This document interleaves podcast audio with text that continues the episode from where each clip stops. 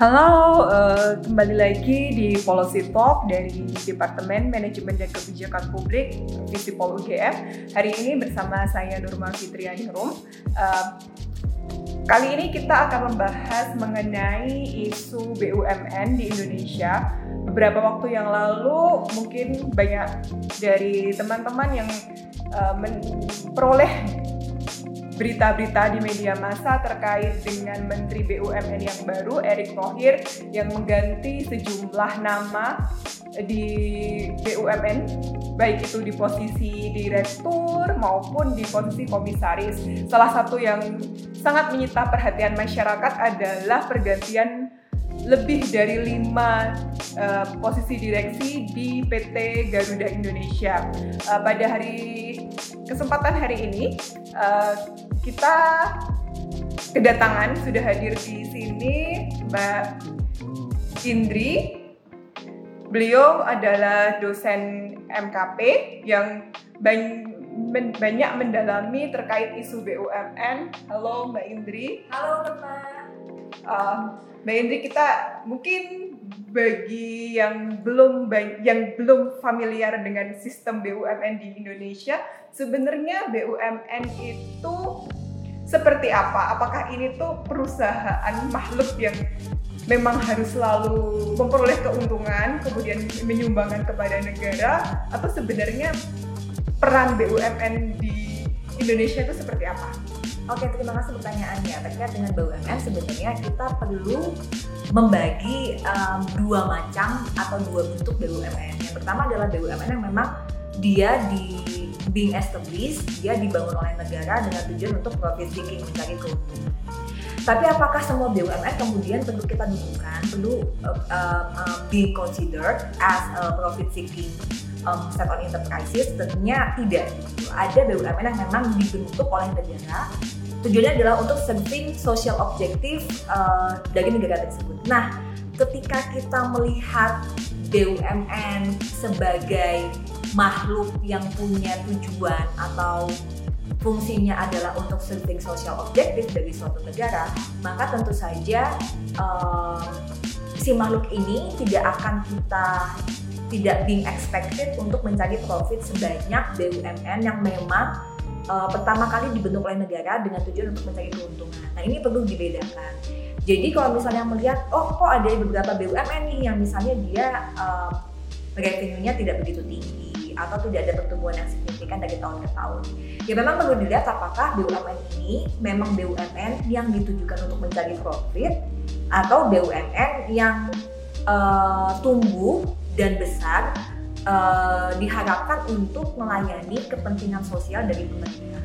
Nah kita perlu ke, uh, lebih teliti untuk melihat uh, perbedaan dari kedua BUMN. Tapi bisa nggak BUMN yang uh, memang ditujukan untuk mencari profit juga mendapatkan um, tanggungan atau mendapatkan mandat dari pemerintah untuk melayani kepentingan sosial bisa banget dan memang banyak sekali contohnya dan bisa nggak BUMN yang memang melayani kepentingan sosial masyarakat tapi dari Kementerian BUMN mereka juga diharapkan untuk bisa meningkatkan revenue mereka ya ada juga gitu jadi memang uh, perbedaan kedua BUMN ini tidak begitu jelas dan tegas ya. Jadi kadang-kadang BUMN yang serving social objektif di satu sisi juga mereka being expected untuk bisa tumbuh dan revenue makin tinggi, tapi di sisi lain BUMN yang memang um, apa ya fungsi utamanya adalah profit seeking juga dibebani dengan beberapa social obligation dari pemerintah hmm. untuk bisa melayani kepentingan sosial dari suatu negara begitu. Oke, contohnya kalau misalkan katakanlah uh, Pertamina, kalau Pertamina kalau menurut Mbak Indri ini lebih yang fungsinya social objektif atau uh, profit seeking? Seperti yang saya katakan tadi, agak susah mencari batasan yang tegas di hmm. antara untuk melihat apakah BUMN A atau B masuk ke kategori yang A atau kategori yang B. Susah men, uh, apa uh, kemudian apa ya uh, melihat perbedaan dari kedua uh, memisahkan uh, yeah. suatu BUMN untuk melihatnya sebagai kategori A atau kategori B. Hmm. Um, kita ambil contoh misalnya seperti Telkomsel ya, anak perusahaan Hmm. dari Telkom yang mana menarik karena selama ini anak perusahaan biasanya um, kita bayangkan um, revenue-nya tidak setinggi si um, Induknya. induknya. Tapi Telkomsel kan berbeda ya, memang Telkomsel ini dengan Mungkin lebih yang tinggi orientasi profit, Profit. ya. Tapi juga di sisi lain ternyata um, Telkomsel juga beberapa punya punya social obligation, misalnya harus membangun tower di daerah-daerah terluar di Indonesia. Yang dari sisi kalkulasi keuntungan nih, ya tidak menguntungkan karena um, siapa uh, siapa konsumennya gitu, siapa ada berapa jumlah sih populasi di sana yang bisa menggunakan tower tersebut.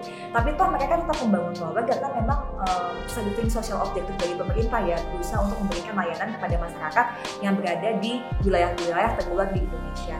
Nah, jadi dengan melihat hal ini, um, tentu saja ketika kita mendudukkan BUMN di Indonesia, kita perlu lebih um, hati-hati untuk melihat, oke, memang nih dari satu sisi mereka diminta untuk meningkatkan revenue, tapi di sisi yang lain mereka juga um, mendapatkan apa ya mandat dari pemerintah untuk bisa melayani kepentingan uh, masyarakat.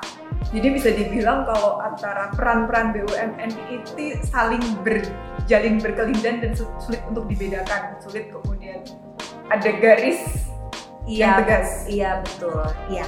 Uh, kemudian ini Mbak Indri kan uh, kemarin heboh nih uh, Erick Thohir mengganti sejumlah direktur CEO. Uh, kemudian kalau Mbak Indri memandang sebenarnya bagaimana sih pergantian direktur di BUMN siap? Apakah kemudian menteri bisa secara sepihak menentukan siapa yang menduduki kursi salah satu BUMN atau BUMN yang lebih strategis dari satu dengan lainnya gitu? Jadi sebenarnya pergantian direktur atau komisaris tidak hanya di state owned enterprises ya atau BUMN, tapi di private firms, eh, di perusahaan swasta ya wajar saja. Pertanyaannya kemudian adalah apakah pergantian ini berbasis pada merit system atau bias karena political intervention. Nah untuk eh, direktur sendiri sesuai dengan eh, riset dari disertasi saya, saya menemukan bahwa pemilihan CEO atau direktur utama BUMN memang jauh lebih selektif ketimbang pemilihan komisaris. Artinya Hmm. adalah memang ada tes yang harus dilalui oleh kandidat CEO untuk bisa menduduki posisi sebagai CEO. Jadi tidak ujuk-ujuk atau tidak serta merta dapat diangkat sebagai CEO. Mereka perlu melewati suatu tes dan ketika mereka lolos tes tersebut tentunya baru bisa menduduki posisi sebagai CEO sehingga memang kalau dilihat eh, dari eh, proses pemilihan ini jauh lebih selektif memilih CEO ketimbang komisaris. Artinya adalah em, kita kemudian bisa punya sedikit em, apa ya Trust trust atau ekspektasi bahwa CEO jauh harus lebih perform ketimbang komisarisnya. Oke. karena mereka jauh lebih capable ketimbang komisarisnya. Yang mana di dalam konteks um, how to run a business, how to run a company tentu CEO memang um, being expected untuk bisa atau untuk punya kapabilitas yang jauh lebih mumpuni dari dari aktor yang lain di dalam company. Karena dialah yang punya peran yang sangat besar untuk bisa menentukan apakah company ini bisa tumbuh, bisa uh, apa namanya, bisa besar dengan keuangan yang sehat dan yang lain-lain begitu. Berarti dia adalah penanggung jawab utama dari berjalan tidaknya BUMN itu sendiri. Bisa dikatakan Iya, seperti itu. responsibility-nya jauh lebih besar ketimbang aktor yang lain di dalam BUMN. Tentunya tanpa menafikan um, apa peran dari direktur yang lain maupun peran dari komisaris ataupun stakeholders yang lain. Tapi ya, CEO memang punya responsibility yang sangat besar untuk navigate um, dari kehidupan si perusahaan ini. Dalam konteks yang kita bahas adalah BUMN begitu. Uh, kemudian kalau tadi Mbak Indri juga menyebutkan ada posisi lain di BUMN yakni komisaris yang dapat dikatakan mungkin pemilihannya kurang selektif Uh, persyaratan-persyaratannya tidak sebanyak untuk menjadi direktur. Nah, pemilihan komisaris di Indonesia itu biasanya seperti apa dan apa implikasinya baik secara ekonomi maupun politik nih? yang menarik nih karena memang uh, dari riset disertasi saya saya memang um, awal tidak sengaja menemukan uh, bahwa proses pemilihan komisaris ini memang memang sangat menarik. Tentu teman-teman sudah banyak membaca beberapa artikel yang dirilis oleh Tirto maupun beberapa media lainnya di Indonesia yang menjelaskan bahwa ternyata banyak nih political appointee yang duduk sebagai komisaris di BUMN um, pertanyaan selanjutnya adalah bagaimana mereka bisa terpilih ya enggak? Apa sih proses yang harus mereka lalui sehingga mereka bisa dipilih sebagai komisaris? Um, nah ini yang coba saya um, apa? Coba saya teliti, coba saya analisa dengan berbekal bertanya kepada deputi di Kementerian BUMN, juga kepada wakil deputi maupun kepada komisarisnya itu sendiri bagaimana sih apa saja sih proses yang harus mereka lewati before they are being um, elected as uh, the board members uh, sebelum mereka di, di di appointed sebagai komisaris. Nah, yang menarik nih data yang saya punya. Jadi riset saya yang saya lakukan di tahun 2019 kemarin adalah untuk melihat berapa banyak sih political appointee yang duduk di top 15 state-owned hmm. enterprises di Indonesia. Top 15 state-owned enterprises ini adalah top 15 BUMN di Indonesia. Okay. Top 15 ini di first two um, BUMN yang punya revenue yang jauh lebih tinggi ketimbang BUMN yang lain. Bisa kita katakan bahwa walaupun dari segi jumlah BUMN ini hanya 15 BUMN, tapi dari segi revenue mereka menguasai kurang lebih 90% total keseluruhan um, uh, pemasukan dari seluruh BUMN yang dimiliki oleh Indonesia. Jadi bisa dibilang BUMN paling produktif. Mereka iya paling menguntungkan dan juga um, hence kemudian uh, perannya menjadi lebih prominent ketimbang BUMN yang lain yang ada di Indonesia. Dan, nah menarik kemudian melihat bagaimana sih kita nggak perlu melihat kita nggak perlu mengambil sampel um, seluruh BUMN ya keseluruhan populasi untuk dijadikan sampel di uh, riset ini. Kita ambil kita ambil saja uh, uh, 15 BUMN yang paling prominent. Ini bagaimana sih pemilihan komisaris yang bekerja? Nah setelah saya hitung uh, ada berapa? datanya dari tahun jadi begini um, annual report yang dirilis oleh BUMN tidak lengkap. Okay. Bahkan banyak BUMN baru merilis annual reportnya di tahun 2010 ke atas, 2012 ke atas. Di 2010 ke bawah hanya a few uh, number of state-owned enterprises yang merilis annual reportnya, yang mana menyusahkan peneliti ya yeah. untuk bisa menganalisis siapa saja sih yang duduk sebagai direktur, CEO maupun komisaris di BUMN. Nah dari data yang saya punya itu dari tahun 2006 sampai 2019 berarti ketika Pak SBY duduk sebagai presiden periode pertama sampai Jokowi di periode pertama 15 tahun kira-kira dan 15 tahun ke belakang ini ada sekian puluh persen dari total komisaris di top 15 state-owned enterprises itu yang merupakan political appointee. Oh, jadi dia dipilih karena preferensi politik atau karena kedekatan dengan good question bagaimana sih dengan... kemudian kita bisa mengkategorisasikan apakah seseorang ini yeah. political appointee atau bukan kalau yang saya gunakan konsep yang saya gunakan uh, seorang komisaris bisa dikatakan sebagai political appointee ketika si komisaris ini dipilih oleh political leaders hmm. yang duduk di dalam pemerintahan bisa be presiden, okay. wakil presiden ataupun menteri. menteri gitu. Jadi memang dia dipilih oleh political leaders yang duduk di government, yang duduk di pemerintahan. Nah, uh, dari data yang saya punya ternyata uh, ketimbang menteri ataupun uh, wakil presiden ataupun misalnya parpol yang uh, ruling political parties yang uh, mendukung satu presiden tertentu, presiden memang punya peran yang sangat besar menentukan um, siapa yang akan dipilih sebagai komisaris atau yang tidak. Nah, oke, okay.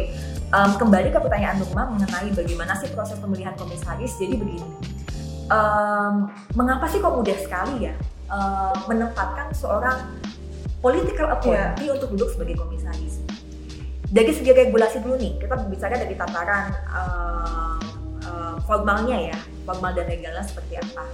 Jadi di Kementerian BUMN ada namanya profiling team. Profiling team ini berada di bawah deputi bisnis dan apa saya lupa. Jadi di sini pemerintah memegang peranan juga dalam tentu tentu dalam hal ini adalah Kementerian BUMN. Nah profiling team ini tugasnya adalah untuk uh, profiling atau checking um, CV dari kandidat komisaris Okay. CV dan juga track record dari kandidat komisaris apakah pernah um, berstatus sebagai tersangka korupsi dan yang lain-lain apakah dari segi pendidikan mumpuni dan yang lain-lain dan yang lain-lain. Kemudian profiling tim ini akan memberikan rekomendasi kepada TPA, tim penilai akhir. TPA ini siapa sih? TPA yang pertama adalah consist of presiden, wakil presiden, menteri keuangan, sekretaris kabinet, dan menteri BUMN. Nah nanti rekomendasi dari profiling tim akan dibahas di TPA dan kemudian TPA ini yang punya uh, authority untuk menentukan apakah si kandidat komisaris ini akan dipilih sebagai komisaris atau tidak. Tentunya profiling tim dan TPA ini bekerja di wholly owned state-owned enterprises yakni BUMN yang keseluruhannya dimiliki oleh negara. Nah, lalu pertanyaannya bagaimana dengan private uh, privatized uh, state-owned enterprises? Bagaimana yang sudah go public BUMN yang sudah go public? Nah, memang secara legal pemilihan komisaris uh, di BUMN yang sudah terprivatisasi itu berada di Rapat. tangan rapat umum pemegang saham kita berbicara lagi-lagi saya ingatkan saya harus emphasize bagian ini kita berbicara di uh, sisi legal formalnya dulu ya Oke. begitu itu legal formalnya seperti itu tapi yang uh, terjadi pada kenyataannya memang agak berbeda jadi begini uh, uh, memang ada profiling team di deputy business um, dan bla bla bla saya lupa di kementerian. Kementerian BUMN yang memang tugasnya adalah untuk mengumpulkan kandidat uh, CV kandidat komisaris dan juga melihat rekor-rekor komisaris dan kemudian memberikan rekomendasi kepada TPA. Pertanyaannya adalah profiling tim itu menseleksi komisaris inputnya dari siapa? Ya enggak? Oh, Ya enggak? oke. Input siapa sih yang perlu mereka uh, uh, seleksi atau kandidat komisaris mana sih yang CV-nya perlu mereka seleksi ya enggak pertanyaannya? Nah, input Dan kandidat komisaris ini datang dari beragam pintu. Iya. Bisa jadi presiden, bisa jadi dari um, elit elit parpol yang dekat dengan presiden, bisa jadi dari um, menteri, bisa jadi bisa jadi dari wakil presiden dan yang lain-lain. Uh, pintunya beragam.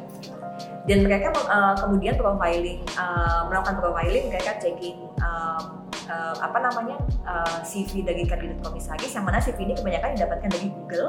Oh, jadi eh, jadi para calon komisaris ini tidak submit CV resmi ada mereka. beberapa this is very interesting finding that I found beberapa komisaris memang kemudian uh, ada yang submit Oke. CV-nya beberapa ada yang tidak dan dan yang lucunya adalah ketika saya tanyakan beberapa dari komisaris ini baru tahu mereka terpilih sebagai komisaris ketika mereka melihat berita itu di televisi.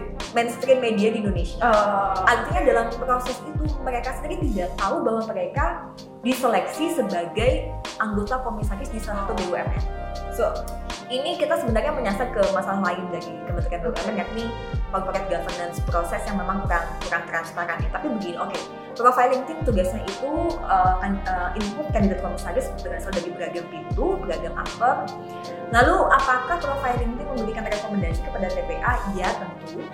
Tapi sering kali rekomendasi ini tidak bekerja karena toh pada ujungnya eventually at the end of the day ada pemilihan siapa? komisaris sangat ditentukan oleh preferensi dari TPA Oke. tim Jadi- TPA gitu jadi kadang-kadang uh, rekomendasi dari profiling tim profiling tim juga tidak tidak menjadi bahan pertimbangan oleh TPA oke begitu nah kemudian um, apakah TPA ini bekerja hanya um- hanya di BUMN yang mana keseluruhan kepemilikannya dimiliki oleh negara ternyata tidak gitu. Ternyata um, TPA, TPA ini dan profiling team tentu saja bekerja di top 15 state-owned enterprises. Jadi BUMN top 15 tadi.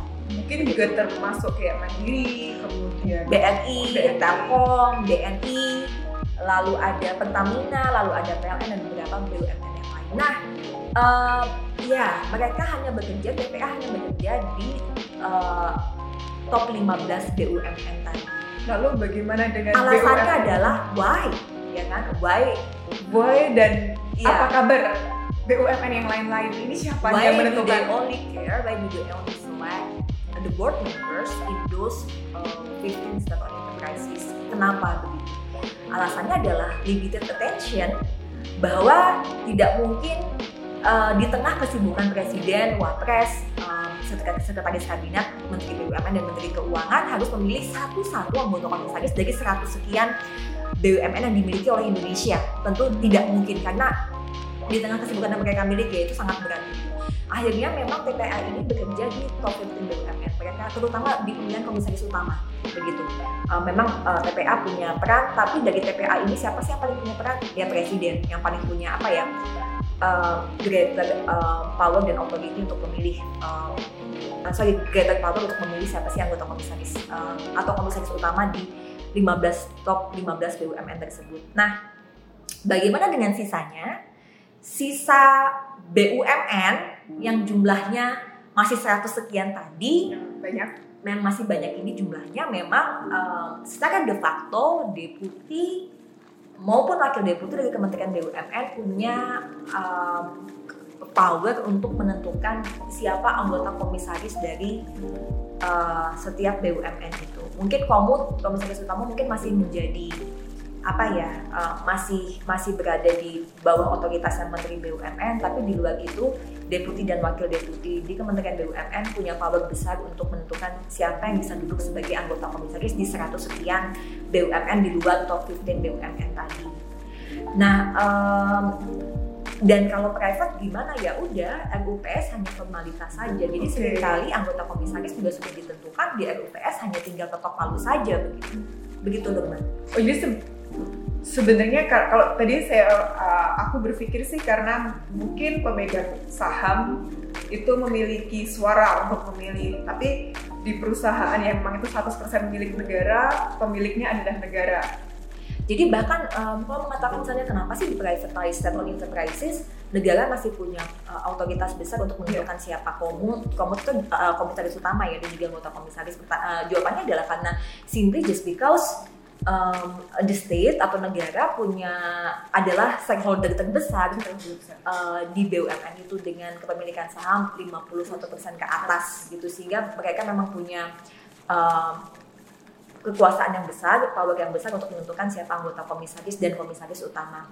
Nah, yang menarik adalah uh, memang di BUMN yang terkait dengan finance seperti bank, misalnya um, atau asuransi misalnya um, finance related state owned enterprises komisaris perlu um, harus lolos tes dulu untuk bisa duduk sebagai komisaris. Jadi ada tesnya. Jadi walaupun political appointee. Tapi bisa daftar nggak? Dalam artian ada nggak sih? Aku tadi penasaran. Ada nggak sih open recruitment sebenarnya? Kemudian yang merasa sejauh ini sih sejauh ini saya belum pernah mendengar ada open recruitment. Okay. Nah, yang finance related state owned enterprises mereka harus lolos tes dulu untuk bisa terpilih sebagai komisaris even though mereka adalah political appointee. Ketika mereka tidak lolos ya mereka nggak bisa dipilih sebagai komisaris begitu. Tapi di luar uh, industri BUMN yang berada di uh, yang berada di luar industri keuangan mereka uh, tanpa ikut tes pun mereka sudah bisa dipilih bahkan ada beberapa anekdot misalnya saya menemukan political appointee harusnya duduk sebagai komisaris tapi karena nggak lolos tes ya udah nggak bisa duduk sebagai anggota komisaris di BUMN jadi memang uh, uh, apa namanya tes ini begitu ketat ya dan OJK kalau, kalau tidak salah adalah uh, institusi yang menyelenggarakan tes tersebut. Oke, kemudian dengan adanya uh, pemerintah dan mungkin pemerintah juga yang dipengaruhi oleh partai politik. Kemudian bagaimana menjaga profesionalitas di level BUMN antara oke okay, ini kerja profesional sebagai lembaga yang punya fungsi sangat berbeda dengan pemerintah, bagaimana memisahkan antara kepentingan sosial, kemudian kepentingan politik, kepentingan mungkin profit seeking, ini bisa nggak sih sebenarnya This very good question karena satu riset yang saya lakukan uh, dengan uh, University of Agder di Norwegia dan juga National University Singapura di Singapura. Uh, riset yang saya lakukan adalah melihat bagaimana CEO atau direktur utama di BUMN uh, mereka complying atau tidak, negotiating atau tidak uh, terhadap demands yang diberikan oleh beragam aktor. Kementerian BUMN, Kementerian Sektoral, Presiden, anggota DPR, anggota DPRD, um, um, elit partai atau jenderal-jenderal dari militer dan yang lain-lain dan yang lain-lain. Bagaimana sih kemudian CEO bisa handling uh, beragam demand, political demand, social demand yang datang dari beragam aktor ini. Dan saya menemukan bahwa um, CEO memang pada dasarnya harus bisa uh, managing these demands very carefully. Harus lebih berhati-hati. Misalnya um, Kementerian BUMN biasanya Kementerian BUMN itu mandatnya hanya satu. Biasanya ya secara umum adalah mereka meminta BUMN untuk bisa menaikkan profit atau revenue. Dari atau profit lah dari BUMN itu uh, mandat dari Kementerian BUMN dan biasanya secara umum memang seperti itu mandatnya. Kalau kementerian sektoral seperti apa? Biasanya social objectives ini datang dari kementerian sektoral. Misalnya eh, BUMN perlu membuat jalan di daerah-daerah uh, isolated di Indonesia, misalnya ASDP perlu menyediakan kapal di pulau-pulau terluar di Indonesia. Atau misalnya beragam social objectives yang lain datangnya dari kementerian sektoral. Um, um, biasanya agenda presiden disuarakan lewat Kementerian BUMN dan juga Kementerian Sektoral. Tapi kan juga ada dimensi-dimensi yang lain yang datang dari anggota DPR misalnya atau dari ya dari beragam aktor lah. Dan mereka perlu bisa uh, uh, CEO perlu dibekali kemampuan uh, social capital dalam hal ini adalah political network yang dia punya untuk bisa handling all those demands very carefully. Nah, dalam hal ini, dalam dalam dalam menghadapi social objectives, apakah um, direktur utama CEO harus complying um, towards the demand tanpa perlu negosiasi? Ternyata setelah yang setelah saya lakukan interview dengan beberapa CEO enggak kok mereka bisa negosiasi. Misalnya satu CEO mengatakan bahwa social objectives yang diamanatkan eh, uh, kepada perusahaan kami oleh Kementerian BUMN atau Kementerian Sektoral misalnya terlalu berat yang mana bisa jeopardizing atau yang mana bisa hampering financial state of the company maka kami bisa negosiasi. Misalnya instead of membangun sekian sekian sekian boleh nggak membangun sekian saja begitu. Jadi mereka pun bisa negosiat sosial objektif ini kepada pemerintah dengan alasan bahwa bapak atau ibu ketika kami misalnya mengiyakan uh, mandat anda atau keinginan anda, maka yang akan uh, kena dampaknya adalah uh, apa financial state dari perusahaan kami sehingga kami perlu negosiasi. Itu dimungkinkan dan bisa kok kementerian bisa mengerti gitu. Nah yang menarik adalah bagaimana kemudian CEO ini harus menghadapi political demands dari beragam aktor. Yang aktor-aktor uh, yang lebih tidak jelas iya, kaitannya dengan institusi iya, betul, negara. betul. Uh, lagi good question. Jadi ada aktor yang memang uh, kita katakan prinsipal ya. Kenapa saya mengatakan prinsipal dan agent? Karena memang dalam konteks BUMN atau private firm kita mengenal ada teori namanya prinsipal dan agent. Prinsipal adalah orang yang memiliki si perusahaan, agent adalah orang yang ditugasi untuk menjalankan perusahaan. Dalam konteks BUMN siapa sih pemiliknya? Pemiliknya adalah warga negara Indonesia kan. Tapi it's so the concept is so blurred karena sangat-sangat uh, jutaan warga. Nggak mungkin 260 juta sekian masyarakat Indonesia uh, uh, bisa memberikan apa namanya uh, menentukan mana yang iya determin determin uh, apa namanya kehidupan dari BUMN bisa memberikan um, apa namanya uh, memo kepada direktur dan lain-lain. Kemudian tentu saja um, jutaan beratus juta masyarakat Indonesia ini memiliki BUMN yang mana diwakili oleh Kementerian BUMN ya enggak? Jadi dalam hal ini Kementerian BUMN memang prinsipal yang punya direct um, authority over state-owned enterprises karena mereka ya oke. Okay. lalu kementerian sektoral juga bisa dikatakan seperti itu. Yang lainnya adalah indirect ya. Misalnya kayak presiden presiden um, punya wewenang terhadap BUMN tapi indirect tidak secara langsung. Uh, juga sama dengan uh, misalnya uh, anggota DPR juga mereka tidak punya wewenang secara langsung over state on enterprise dan mereka masih punya wewenang untuk summoning atau untuk untuk untuk memanggil um, uh, CEO atau komisaris BUMN untuk datang ke rapat mereka begitu. Nah ada juga prinsipal yang sama sekali tidak terkait dengan BUMN tapi ternyata pada kenyataannya mereka punya um, um, kekuatan untuk bisa in, uh, intervening uh, decision making di BUMN. Beat adalah jenderal atau um, anggota DPR dan yang lain pensiunan um, anggota DPR dan yang lain-lain.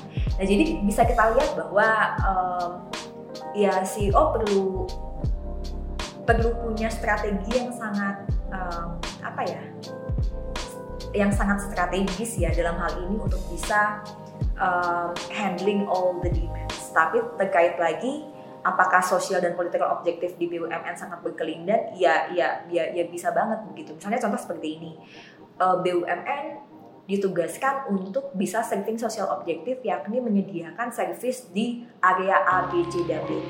Pemilihan area A, B, C, dan D kan bisa ditentukan oleh political consideration si political leaders yang di pemerintahan. Misalnya ya udah deh tolong sediakan servis di area A B C dong kenapa? karena di area itu konstituennya ada di sana. Pertama atau yang kedua ternyata vote saya rendah di area situ untuk meningkatkan popularitas dan vote saya di pemilihan yang mendatang maka perlu disediakan servis A B C dan jadi um, kalau in between to each other ya ya iya gitu. Karena memang um, bahkan memilih bahkan um, social objektif macam apa dan harus diimplementasikan di mana memang bisa sangat determined by the political consideration yang dimiliki oleh si political leaders. Oke, jadi ini bisa dibilang BUMN ini eh, makhluk yang sangat complicated. Apalagi kemudian jika kita dibandingkan dengan perusahaan yang 100% private yang hanya fokus oke okay, making profit. Ya, nggak perlu dealing dengan ya. kanan kiri. Ya, bahkan salah satu um, interviewee saya beliau adalah tadinya adalah um, direktur di perusahaan swasta ketika kemudian duduk di sebagai direktur utama di BUMN juga perlu beradaptasi dengan banyak hal yang sangat challenging ya dalam artian adalah tadinya ketika di perusahaan swasta yang beliau harus perhatikan adalah bagaimana keuntungan dan yang lain-lain gitu. Tapi ketika misalnya pindah ke BUMN yang perlu uh, things that should be taken into account uh, ada banyak hal ada beragam dimensi termasuk ya political dimensi datang lagi beragam itu, itu tadi. Ya. Jadi uh, kemudian uh, beberapa bulan lalu itu juga di Mbak Indika ada pemberitaan terkait Jiwasraya salah satu uh, BUMN finance asuransi yang mereka terancam gagal bayar banyak dari nasabahnya kemudian ada wacana bahwa mereka meminta pemerintah dan pemerintah akan melakukan bailout ataupun menalangi perusahaan ini sebenarnya apa sih kewajiban pemerintah atau kewajiban negara terhadap BUMN? Bahwa kan tadi kita sudah banyak apa sih yang pemerintah atau negara peroleh dari BUMN. Kemudian kalau dari dibalik dari hal sisi apa sih yang bisa BUMN dapatkan dari pemerintah support gitu? Apakah ini wajar ketika BUMN gagal kemudian uang APBN yang akan digunakan untuk menutup? Jadi begini, uh, salah satu um, saya tidak tahu ya mengatakan ini sebagai kelemahan atau bukan gitu. Tapi BUMN itu sering kali tidak efisien, tidak hanya di Indonesia ya, tapi juga di beragam negara yang lain, terutama di developing countries atau di emerging countries misalnya. Kenapa kemudian bisa tidak efisien dan bisa bertahan puluhan tahun? Ya karena ketika mereka tidak efisien, karena ketika mereka misalnya um, loss atau atau mengalami kerugian yang sangat besar, tetap bisa bertahan karena mereka mendapatkan capital injection dari pemerintah. Begitu. Dan akhirnya soft budget ini menjadikan BUMN tidak disiplin di dalam meningkatkan um, efisiensi di perusahaan mereka. Okay. Jadi memang uh, terutama BUMN yang dirasa sangat uh, apa ya dirasa punya peran yang sangat penting di dalam perekonomian negara. Misalnya uh, mereka tidak akan dibiarkan untuk bangkrut tidak akan dibiarkan untuk uh, tidak bertahan karena pemerintah pasti akan support mereka dengan berbagai macam uh, apa namanya uh, favorable treatment. Favorable treatment salah satunya adalah dengan capital injection. Jadi BUMN tidak akan dibiarkan rugi. Begitu. Nah karena adanya capital injection ini maka BUMN kemudian yang tadinya sudah tidak efisien jadi makin tidak makin tidak efisien lagi karena merasa bahwa wah rugi pun juga nanti akan kami nggak akan bangkrut kan pasti pasti akan dibantu oleh pemerintah. Padahal ketika misalnya dibanding dibandingkan dengan private firms BUMN ini punya privileges yang sangat banyak gitu dari segi treatment mereka misalnya mendapatkan hak monopoli untuk ekspor atau impor misalnya atau mereka mendapatkan tadi ya capital injection atau mereka misalnya diuntungkan dari segi regulasi dan yang lain-lain. Nah, soft budget ini memang menjadi permasalahan di banyak BUMN di banyak negara karena memang adanya mekanisme bantuan ini menjadikan BUMN tidak disiplin. Oh. Begitu. Jadi dalam banyak hal BUMN kalau di perusahaan swasta kita men, apa ya kita tahu ada terminologi namanya too big to fail ya. Yeah kalau dalam konteks BUMN mungkin too important to fail. Jadi karena terlalu penting, jadi tidak akan dijaga untuk bangkrut dan juga merugi. Tapi uh, kemudian juga bagaimana sih penentuan kategori bahwa itu penting dan a bit less important? Ya, uh, indikatornya apa ya? indikatornya apa? Kan itu sangat subjektif. Mungkin saat ini bisa penting, tapi kemudian nanti tidak penting atau dari yang tidak penting ketika tiba-tiba gagal diklaim bahwa ini penting. Dalam hal ini indikatornya apa? Saya sendiri tidak tahu. Tapi apakah bisa political intervention kemudian um, eksis hadir di sini occurs di dalam situasi ini dan mengatakan bahwa BUMN ini penting dengan sampai rugi gitu ya bisa jadi gitu. tapi indikatornya apa saya juga saya juga tidak tahu apa yang kemudian indikator apa yang kemudian digunakan oleh pemerintah untuk um, uh, categorizing mana sih BUMN yang penting dan yang tidak. Tapi eh, kita lihat deh, dari 100 sekian BUMN ini yang tutup hanya sekian BUMN, itu pun karena dijadikan, oh tidak salah ya, mungkin ya dengan BUMN yang lain. Uh, iya, tapi yang paling menarik adalah sebenarnya um, perhatian kemudian dialihkan tidak lagi ke induk BUMN tapi ke anak perusahaan BUMN hmm. seperti yang um, Erick lakukan ya yeah. bagaimana karena karena kalau kita lihat sebenarnya komposisi komisaris terutama dan juga direktur di anak perusahaan BUMN jauh lebih bombastis dari segi political intervention ketimbang di induk BUMN itu sesuatu yang memang perlu perlu lebih digali lagi sih karena tidak banyak juga riset yang membahas mengenai masalah ini. Oke, okay ini pertanyaan kemudian pertanyaan terakhir nih Mbak Fitri. Sebenarnya apa yang perlu dilakukan terutama oleh pemerintah sebagai pemegang saham terbesar mewakili masyarakat Indonesia untuk agar uh, eh, BUMN ini bisa lebih profesional atau ya lebih efektif or maybe This is a very complicated question because if we want to discuss about how to uh, reform um, apa ya BUMN kita tentunya it doesn't only entail um, tidak hanya membahas mengenai masalah bagaimana BUMN harusnya bekerja, tapi juga terkait dengan checks and balances uh, dan juga political system di negara kita. Yang paling penting yang pertama nih, um, yang perlu dibenahi adalah pemilihan direktur, direktur utama dan juga komisaris. Um, tidak hanya capable, tapi juga punyakah kita sistem akuntabilitas yang bisa memastikan bahwa para direktur utama dan direktur ini bisa bekerja sesuai um, dengan apa ya regulasi dan juga code of ethics itu yang pertama. Yang kedua adalah komisaris perlu capable juga nih, perlu mumpuni juga untuk bisa bekerja sebagai orang yang mensupervisi performa dari CEO dan juga direktur. Itu yang paling penting. Um, lalu meminimalisir atau mengurangi atau kalau bisa sih kita um, apa ya menghilangkan political intervention ke BUMN sehingga BUMN memang uh, fokusnya hanya di diprofesikan atau juga social objektif lah. Tapi ketika berbicara mengenai political intervention berarti kan kita perlu berbicara mengenai checks and balances mekanisme yang ada di Indonesia. Apakah checks and balancesnya bekerja? Apakah misalnya uh, political leaders who sit in the government uh, betul-betul uh, memegang mandat sebagai um, apa ya tanpa tanpa being influenced by the political um, apa interest atau tidak ini kan hal yang sangat susah ya untuk untuk memastikan mereka bisa bekerja tanpa dipengaruhi oleh political interest. Nah, bagi saya permasalahan soal BUMN ini tidak hanya terkait mengenai bagaimana dia sebagai entitas bisnis um, harus dibenahi, tapi juga kita berbicara yang jauh lebih besar lagi adalah ya political system yang check and balances dan yang lain-lain. Yang mana ini adalah pekerjaan yang sangat besar begitu.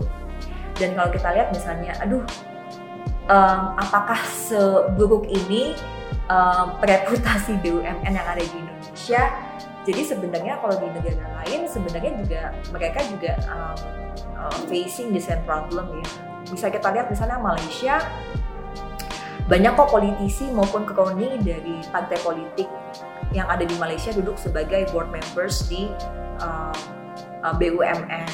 Di Cina juga biasa deputi duduk sebagai top eksekutif di BUMN.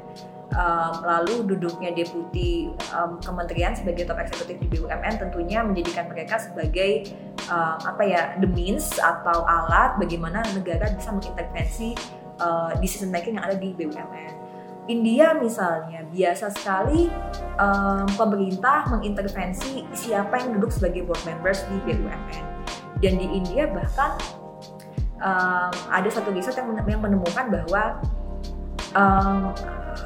bank-bank um, yang dimiliki oleh negara uh, state on banks kita menyebutnya memberikan pinjaman dalam jumlah yang sangat fantastis ke beberapa uh, individu yang punya um, posisi political association atau political affiliation dengan uh, ruling political party yang ada di India. Jadi memang di developing countries, di emerging countries misalnya seperti uh, Cina maupun Rusia mereka juga sebenarnya punya masalah yang sama. Bahkan di negara maju yang tingkat korupsinya sangat rendah seperti Norwegia, ada satu hal yang membuat shock, membuat kaget banyak pihak karena BUMN-nya dia, CEO-nya juga melakukan korupsi ternyata. Jadi jadi apa ya karena ini adalah entitas yang dimiliki oleh negara dan bagaimana kemudian political leaders who sit in the government can exploit can appropriate um, apa namanya can do the, uh, the appropriation di step on enterprise yang, yang menyebabkan bahwa BUMN ini jadi tidak efisien dan sangat rentan um, dipengaruhi oleh political interest dari political leaders. Jadi bukan hanya apa fenomena yang muncul di Indonesia tapi juga di negara lain. Uh, jadi bisa kalau sedikit menyimpulkan bahwa untuk membenahi BUMN ini tidak cukup membenahi tata kelola BUMN sendiri sebagai, tapi juga tata kelola pemerintah sendiri juga dalam dan juga bukan hanya pemerintah ya, tapi juga itu tadi saya saya katakan checks and balances, okay. political system. Kalau misalnya um, apa political system di Indonesia masih um, being driven by money dengan uang ya siapa pun political leaders yang duduk sebagai uh, menteri wakil presiden uh, presiden ya pasti mereka akan akan punya tujuan untuk bisa menjadikan. mengembalikan itu tadi kan modal yang habis yang sudah mereka keluarkan untuk bisa terpilih sebagai political leaders begitu. Memerah iya ya bahkan misalnya uh, uh, anggota DPR misalnya yang yang yang yang, yang sebenarnya punya wewenang untuk bisa um, mensupervisi um, BUMN juga diisi oleh orang-orang yang juga punya kepentingan politik. Sama. Iya, sehingga memang kalau kita mengatakan siapa sih melakukan application terhadap BUMN ya ada ada banyak ada banyak aktor gitu. Jadi ya uh, hanya memperbaiki tata kelola BUMN tentu saja um, isn't sufficient ya untuk bisa membenahi. BUMN ini. Oke, jadi untuk membenahi ini kayaknya perlu uh, reformasi, revolusi secara keseluruhan terhadap sistem di negara ini. Possibly, mungkin. Mungkin. Uh, tapi ya semoga nanti uh, BUMN kita bisa lebih baik dan mungkin lebih profesional. Ini last very last question.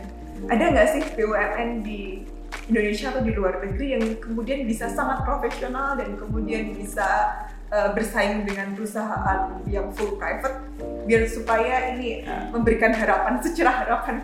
Kalau ada contoh gitu. Di Indonesia ya? Di Indonesia atau di luar bisa? Saya kalau saya lihat memang um, Temasek di Singapura itu kan cukup cukup apa ya? Cukup punya peran yang sangat penting di perekonomian Singapura ya. Okay. dan cukup profesional. Tapi saya sendiri tidak melakukan riset sehingga tidak tahu pasti jawabannya. Hmm, Tapi tema saya menarik untuk melihat bagaimana BUMN secara profesional dan menjadi uh, uh, uh, perusahaan negara yang bisa menghasilkan keuntungan yang sangat tinggi. Termasuk ini yang pernah beli Indosat ya, ya sebelum dijual kemudian ke Uridu di Uridu ini milik salah satu negara Timur Tengah BUMN juga kalau nggak salah.